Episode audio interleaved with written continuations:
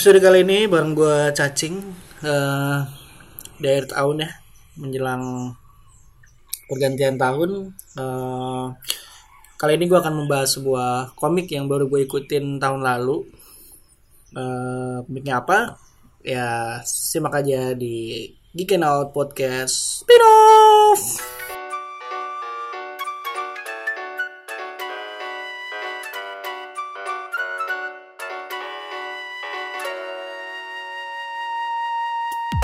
Uh, eh, gue mau bahas uh, komik judulnya Giant Killing. Jadi uh, komik Giant Killing ini komik olahraga sebenarnya. Uh, semacam ya yang lu tahu apa sih? Uh, ya, bola, bola subasa, terus apa sih ada offside, ada shoot ya. Ya pokoknya gitulah. Tapi yang membedakan uh, Giant Killing ini adalah tokoh utamanya uh, adalah manajernya gitu. Nah, uh, sekarang masih jalan komiknya. Uh, yang di Indonesia udah volume ke 50 terus yang di luar gue nggak tahu belum nyari-nyari sih uh, buat baca online-nya. Tapi ya gue cukup sabar menunggu buat baca yang rilisan Indonesia nya aja walaupun lama banget keluarnya gitu. Kenapa gue pengen bahas ini? Menurut gue komik ini tuh uh, menarik banget gitu secara penceritaan terus uh, tema yang diangkat sebenarnya olahraga tapi yang dia sampaikan tuh lebih banyaknya justru ke lebih ke manajemen dan dunia uh, sepak bola secara profesional gitu. Karena yang jadi yang jadi pusatnya kan ada di si manajer ini kan gitu. Jadi kayak uh, seru banget nih gue rasa gitu. Nah gue sendiri tuh sebenarnya bukan yang ngikutin bola banget gitu. Terus tahun lalu uh, eh, gue baca ini dan akhirnya kayak itu jadi titik awal lagi gue mulai seneng bola gitu mulai seneng bola lagi terus ngikutin Piala Dunia dan akhirnya jagoin Jepang karena gue lagi tergila-gila waktu itu uh, tahun lalu dengan uh, Giant Killing gitu, Om Giant Killing gitu. Nah ini ceritanya secara sederhana uh, sinopsis singkatnya jadi kayak ada ada satu klub di uh, Jepang uh, dia tuh klub yang apa ya kalau di liga utama tuh dia udah di paling bawah lah udah sempat terdegradasi naik lagi mau turun lagi kayak gitu gitu nah itu dia uh, nama klubnya Etu uh, East Tokyo United. Jadi kayak tim ibu kota tapi bukan tim yang utama gitu. Kalau di Jakarta mungkin kan ada Persija ada uh, apa gitu kan misalnya apa sih Persitara ya Jakarta Utara. Nah ini semacam itu gitu. Tapi ini kayak uh, bagian Tokyo Timur gitu loh. Jadi ada tim Tokyo-nya namanya Tokyo Victory gitu. Yang cuman na ngambil nama kota tapi bukan bagian sisi kota yang lain kayak gitu. Itu makanya uh, uh, terus ada satu uh, pemain yang legend yang jago banget itu zaman itu kayak 10 tahun lalu dari cerita sekarang gitu kan.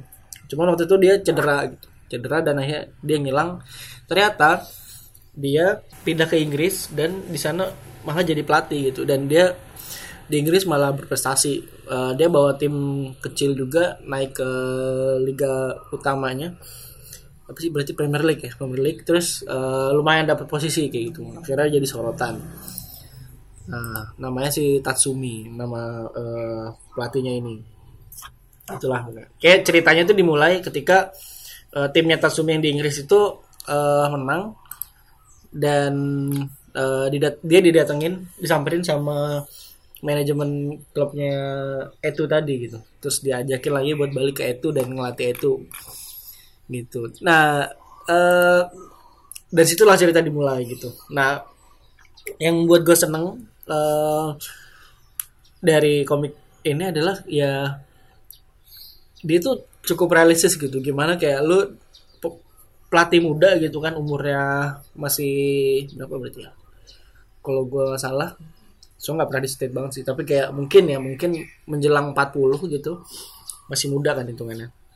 Buat pelat buat manajer gitu. Terus ngelatih tim yang mentalnya itu udah down gitu. Sering kalah gitu-gitu nggak nggak mau kurang mau maju gitu kan kayak. Terus terus uh, nyatuin orang-orang yang kepalanya udah udah kayak batu gitu semuanya gitu Nah ini ya effortnya si Tatsumi di sini tuh gue uh, salut gitu lah makanya. Nah tapi juga uh, hal lain yang membuat apa ya komik ini seru tuh adalah uh, momen-momen kocaknya sih. Maksudnya nah ini nih dia dia ini nggak masuk ini ya uh, kalau dia masuknya bukan shonen ya dia masuknya seinen komik yang dewasa gitu. Banget kamu mungkin karena emang dialognya agak panjang agak banyak dan mungkin uh, dialog-dialog itu ya udah kayak manajerial banget gitu. Uh, ngomongin uh, permasalahan dengan sponsor terus nego-nego dengan apa namanya uh, supporter yang mungkin rese gitu. Jadi ada momen di mana akhirnya uh, mereka mau tanding terus gara-gara kalah mulu dicegat bisnya gitu. Dicegat terus si Tatsuminya diajak berantem sama ketua uh, supporternya kayak gitu. Gimana akhirnya dia berdialog dan akhirnya uh, momen-momen itu bikin justru ngebalikin keadaan gitu kayak dari yang sebelumnya nggak respect jadi respect kayak gitu. Terus kayak wah uh, apa ya? Jadi karena gue dulu uh, kuliahnya ini ilmu sosial ya maksudnya di uh, belajar uh, semacam sosiologi dan teori-teori sosial gitu kan kayak gue ngeliat gila nih menarik banget ya.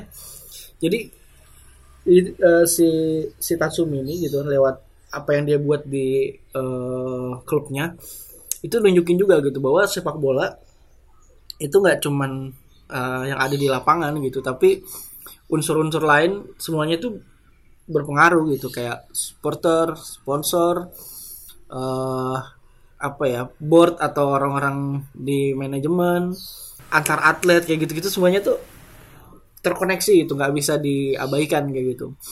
Nah yang gue suka tuh ada momen di mana kayak komik ini nunjukin sebenarnya kehadiran sebuah klub gitu kan di satu uh, daerah itu tuh sangat berpengaruh terhadap kehidupan sosial di sana gitu. Apalagi yang dia gambarin kan Jepang ya yang yang ya stereotipnya ini kita ngomongin stereotip ya. Stereotip itu individualis gitu kan. Pekerja keras tapi ya individualis kayak buat diri sendiri gitu. Nah berkebalikan dengan uh, dunia olahraga yang mungkin ada unsur individualis tapi kayak teamwork terus kayak lu ngedukung itu tuh beramai-ramai kayak gitu. Dukung satu hal yang uh, uh, apa namanya yang kayak lu bareng-bareng orang-orang gitu. Nah si komik ini tuh nunjukin gitu kayak uh, itu tuh nggak nggak bisa tiba-tiba gitu. Jadi dari apa yang didukung pun mereka harus tunjukin sesuatu biar mereka tuh layak untuk diperjuangkan kayak gitu oleh oleh apa namanya oleh supporternya kayak gitu. Nah terus si yang didukung pun harus ngelakuin sesuatu biar mereka tuh memang pantas didukung gitu. Contohnya kayak yang dia bikin nih uh, dia tuh bikin acara gitu kayak uh, apa ya syukuran bukan syukuran sih ya makan-makan bareng. Jadi karena uh, mereka waktu itu udah mulai udah mulai bagus nih uh, di liga gitu kan. Terus kayak dia pengen uh, masyarakat tuh terlibat lagi dalam dukung. Akhirnya dia ngundang tuh masyarakat kayak di di tempat mereka latihan uh, diundang kayak ayo makan bareng makan makan. Terus kayak dia keliling-keliling kota nyebar nyebar flyer ngundang kayak gitu. Jadi kayak dari sebelumnya orang-orang yang nggak peduli sama klub mereka karena jarang jarang menang juga nggak pernah juara akhirnya jadi penasaran gitu. Apalagi dengan kedatangan uh, manajer baru yang dulu sempat melegenda karena waktu itu udah masuk timnas juga waktu 10 tahun lalunya itu. Gitu jadi kayak keren lah gitu di situ. Nah terus uh, ceritanya tuh sering banget uh, di apa ya uh, diganti gitu sudut pandangnya gitu. Maksudnya uh, tiba-tiba dari misalnya supporter nih supporternya ada yang udah tua banget yang dia tuh ketika itu jelek banget dia tetap nonton gitu karena mereka tuh merasa uh, itu adalah udah bagian dari diri mereka. Jadi ada kayak kakek rombongan kayak kakek gitu yang kerjanya tuh selalu nonton uh, itu tanding kalau main di kandang gitu. Terus ada anak-anak kecil yang akhirnya punya semacam hero atau pahlawan baru gitu kan eh, pemain-pemain yang dari daerah mereka sendiri gitu. Maksudnya klub ya dari klub di daerah mereka sendiri yang akhirnya mereka semangat kayak gitu. Terus ada orang tua yang uh, yang awalnya kayak apatis gitu kan tidak peduli akhirnya menjadi orang-orang dewasa maksudnya dewasa akhirnya jadi punya semangat lagi buat ngedukung gitu. Yang terus kayak mereka nih supporter yang dulu uh, waktu kejayaan-jayaannya itu zamannya Tatsumi masih jadi pemain ngedukung terus akhirnya sempat udah nggak peduli lagi dan akhirnya uh, sekarang baik lagi karena ngelihat ada perbaikan kayak gitu. Jadi kayak akhirnya wajar sih maksudnya ketika pendukung itu pergi ya karena bisa jadi klubnya nggak ngasih sesuatu uh, apa ya yang buat mereka tuh mau terus ngedukung kayak gitu. Kayak bukan berarti harus uh, juara terus tapi kayak memperlihatkan perjuangan. Rewind to before I changed Started acting strange Had my life in my own hand. Meanwhile I was wasting time Thinking things were fine But you had other plans Behind your weak disguise All the worthless lies was wrong and now I know. Don't think that I won't try This is not goodbye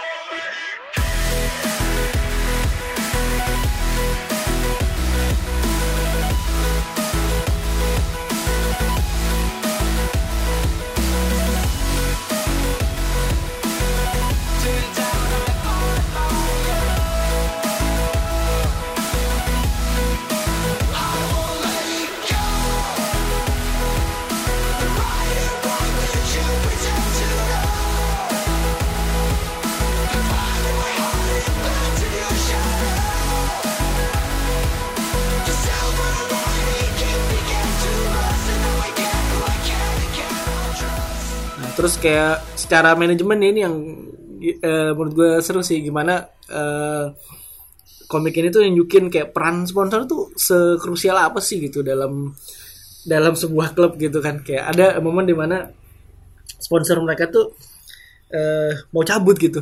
Kayak oh mereka tim kecil. Udah gitu. Baju aja tuh harus di laundry terus gitu. Jadi kayak karena karena mereka nggak ada dana buat beli apa namanya baju baru ya baju itu ya jadi suka dimarahin tuh kalau kalau uh, tukeran baju kayak eh jadi beli baju lagi nih gitu. Jangan tukeran tukeran sama klub lain gitu kan kalau habis tanding gitu. Tapi uh, di situlah gitu serunya.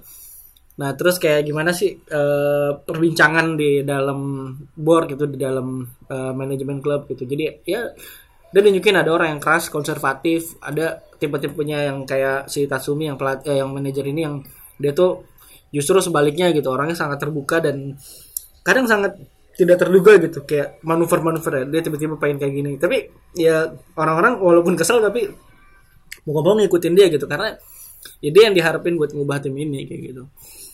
Itu sih. Nah terus filosofi Giant Killing sendiri sebenarnya uh, ini yang gue suka sebenarnya. Jadi ini tuh kayak apa sih istilahnya tuh yang sering disebut tuh David Goliath ya Daud dan uh, apa ya kalau di bahasa Indonesia? Daud dan apa sih? Ya itulah ya pokoknya ya kayak ada uh, pihak yang lebih kecil ngelawan pihak yang lebih gede tapi dia bisa menang gitu karena karena strategi atau keefektifannya dia. Nah si Giant Killing ini gitu. Jadi tim itu ini tim tim kecil dari bawah merangkak terus pelan-pelan buat uh, bisa apa namanya menang kayak gitu. Dan ya kelihatan gitu uh, gimana perjuangan mereka di awal-awal musim uh, pokoknya apalagi kalau pas derby Tokyo ya lawan Tokyo Victory wah itu pasti uh, pertandingan yang seru banget dan menegangkan karena kayak mempertaruhkan nama baik kayak kayak Tokyo tuh ini siapa kayak gitu ya namanya derby ya kayak oh penontonnya pasti rame gitu kan. Tokyo. Terus uh, apa ya kayak mereka tuh selalu si Tatsumi itu selalu menekankan bahwa kita ini penantang gitu. Penantang itu uh, yang punya punya beban karena dia selalu uh, apa ya selalu dalam posisi yang kadang tidak diuntungkan tapi dia harus uh, menang gitu. Cuman itu jadi semangat mereka buat bisa uh, unggul dari lawan kayak gitu. Asik sih. Uh, kayak apa ya chemistry juga sih chemistry antar antar pemain gitu. Itu kerasa kayak dari dari sebelum tanding terus pas tanding tuh emang realistis gitu. Maksudnya ke bawah kayak oh gue lagi ada masalah nih sama dia nih. Akhirnya sama dia jadi nggak connect kayak gitu. Terus kayak uh, ada pemain yang jago tapi dia sering sering gugup atau sering uh, apa namanya grogi kayak gitu. Karena kayak oh dia dari desa gitu. Ada tuh pemain tuh namanya Subaki. Dia dari dari desa gitu kan uh, sama ada talent scoutingnya itu terus uh, orangnya grogian lah pokoknya. Orangnya nggak pedean gitu tapi jago sebenarnya. Gitu. gitu nah uh, terus ini beberapa momen kocak sih? Kayak si si Giant Killing ini suka nampilin momen kocak juga gitu. Terutama biasanya di luar pas pertandingan ya. Kayak sebelum tanding atau pas latihan itu tuh lucu-lucuan sih. Kayak ada tuh gue lupa di tim apa uh, trio Brazil gitu. Jadi kayak ada sat, uh, satu satu klub yang dia dia itu uh, apa namanya mau beli uh, tiga orang Brazil buat jadi penyerang gitu. Dan ini tiga orang ini orang kuplak gitu semuanya. Ada yang paling lucu tuh yang mereka sebelum tanding hilang gitu. Dicari di ruang ganti nggak ada di ini nggak ada. Ternyata mereka ke keluar stadion mereka beli kaos uh, dengan nama mereka tapi kaos bajakan gitu. Jadi kaos klub mereka yang bajakan gitu dimarahin. Terus ada satu pemain di tiga itu yang pakai salah pakai baju gitu. Jadi dia di lapangan malah pakai baju yang dia beli itu yang yang bajakan itu koplak ya. Terus ada ada pemainnya juga yang yang jago pemain Jepang pemain timnas yang udah berkarir di Jerman apa ya. Pokoknya di Eropa lah gitu. Terus dia tuh orangnya uh, apa ya kayak penyendiri gitu tapi sikapnya suka aneh kayak gitu. Lucu sih. Nah tapi ada momen-momen yang emang emosional sih. Eh, pas pertandingan di luar pertandingan kayak gitu. Yang ada yang sempat bikin gue uh, apa namanya berkaca-kaca lah gitu kayak jadi ada saat uh, ada kayak bromance lah misalnya pemain yang posisinya sama mereka bersaing gitu kan bersaing sehat. Pemain itu mereka bersaing sehat sampai salah satunya tuh akhirnya dipinjam sama klub lain. Terus sampai mereka akhirnya ketemu di di liga tuh ketemu. Si itu sama tim ini yang ada temennya yang dipinjam itu gitu. Nah di di situ akhirnya dikasih tahu gitu sama uh, itu kalau ya gue sebenarnya uh, di sini bukan dipinjam jadi gue, permanen gitu. Akhirnya temennya ini yang dulu uh, apa ya sohibnya banget itu sedih gitu. Kayak gue sebenarnya ikut sedih tapi yang bikin gue berkaca-kaca itu ketika selesai pertandingan uh, gue lupa seri atau eh itu menang ya terus kayak penonton supporter itu ngeluarin spanduk yang isinya adalah uh, terima kasih gitu buat si pemain yang uh, dipinjemin yang akhirnya jadi pemain lawan ini gitu. Terima kasih kayak wah itu rasanya pengen jadi dan dianya pun kayak terharu gitu si si pemain ini gitu kayak wah gila. Ya nah, gue gue ngerti sih akhirnya kenapa sepak bola itu si emosional itu karena banyak hal yang bisa membuat lo attach gitu kan terikat uh, terpaut gitu sama sama dunia olahraga ini. Dan momen-momen itu tuh mungkin momen-momen yang uh, bukan ber, bukan selalu momen gede gitu. Ya nggak harus final nggak harus pertandingan besar gitu. Bahkan kayak oh si ini mantan pemain ini terus lawan ini terus kayak jadi ada ada perasaan apa gitu. Itu gue suka gokil. Nah sama ada satu lagi nih yang yang yang gue suka nih uh, gue nggak tahu ya gue uh, nggak nggak terlalu sering baca komik fisik. Jadi kayak setahun paling berapa komik doang gitu yang gue baca. Yang tahun lalu kebetulan gue baca Giant Killing dan uh, dia tuh apa ya di halaman awal sebelum masuk cerita itu suka nampilin kayak apa sih istilahnya uh, apa ya istilahnya pokoknya halaman tambahan yang sifatnya itu uh, fun gitu loh. Jadi uh, entah isinya informasi atau bahkan isinya tuh atrak atraktif gitu loh. Jadi ngajak penonton eh membaca buat ada ada yang ada aktivitinya kayak gitu. Nah jadi kayak buat dari ngebantu uh, si pembaca buat mengerti universe-nya gitu. Contohnya misalnya ada gue lupa di volume berapa itu dia uh, naro uh, peta Jepang terus kayak uh, infografis tentang klub-klub liga utamanya, terus namanya sama daerahnya di mana kayak gitu. Terus uh, ada daftar maskot uh, semua tim di liga utamanya. Uh, terus ada juga kayak klasemennya uh, bukan klasemen sih apa ya uh, rangkuman pertandingannya si itu gitu jadi kalahnya di mana aja. Jadi selama selama setengah musim gitu kan.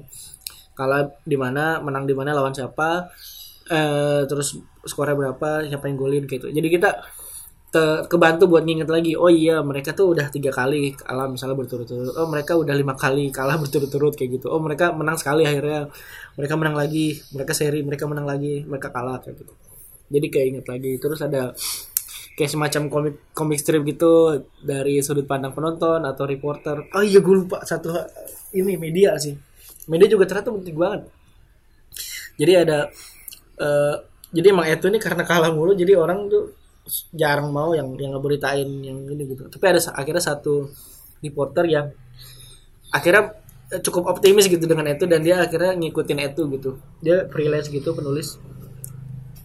Jadi gitu. Oh oh ternyata buat naikin sebuah eh seorang uh, atlet tuh ya butuh banget gitu ada yang backup dari sisi media gitu. Maksudnya organik maupun enggak ya. Tapi akhirnya buat sampai akhirnya dilihat sama pelatih di timnas terus gue diajakin main ke timnas kayak gitu dari timnas uh, U22 sampai akhirnya naik di timnas uh, utama buat lawan negara lain gitu. Jadi kayak buat jadi dapat awarenessnya gitu.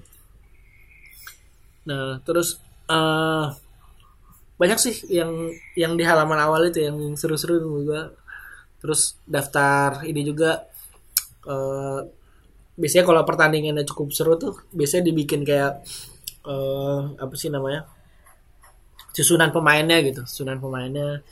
Jadi kita tuh nggak ya kalau pas lagi pertandingan tuh bisa buka halaman itu buat recap oh ini posisinya di sini oh ini posisinya di sini gitu. Jadi kayak akhirnya kebayang satu lapangan walaupun adegan yang diambil tuh cuman bagian situ di bagian situ gitu. Dan pertandingannya juga gila sih. Jadi jago banget nih si penulisnya uh, ngebuat pertandingannya tuh seru kayak gitu.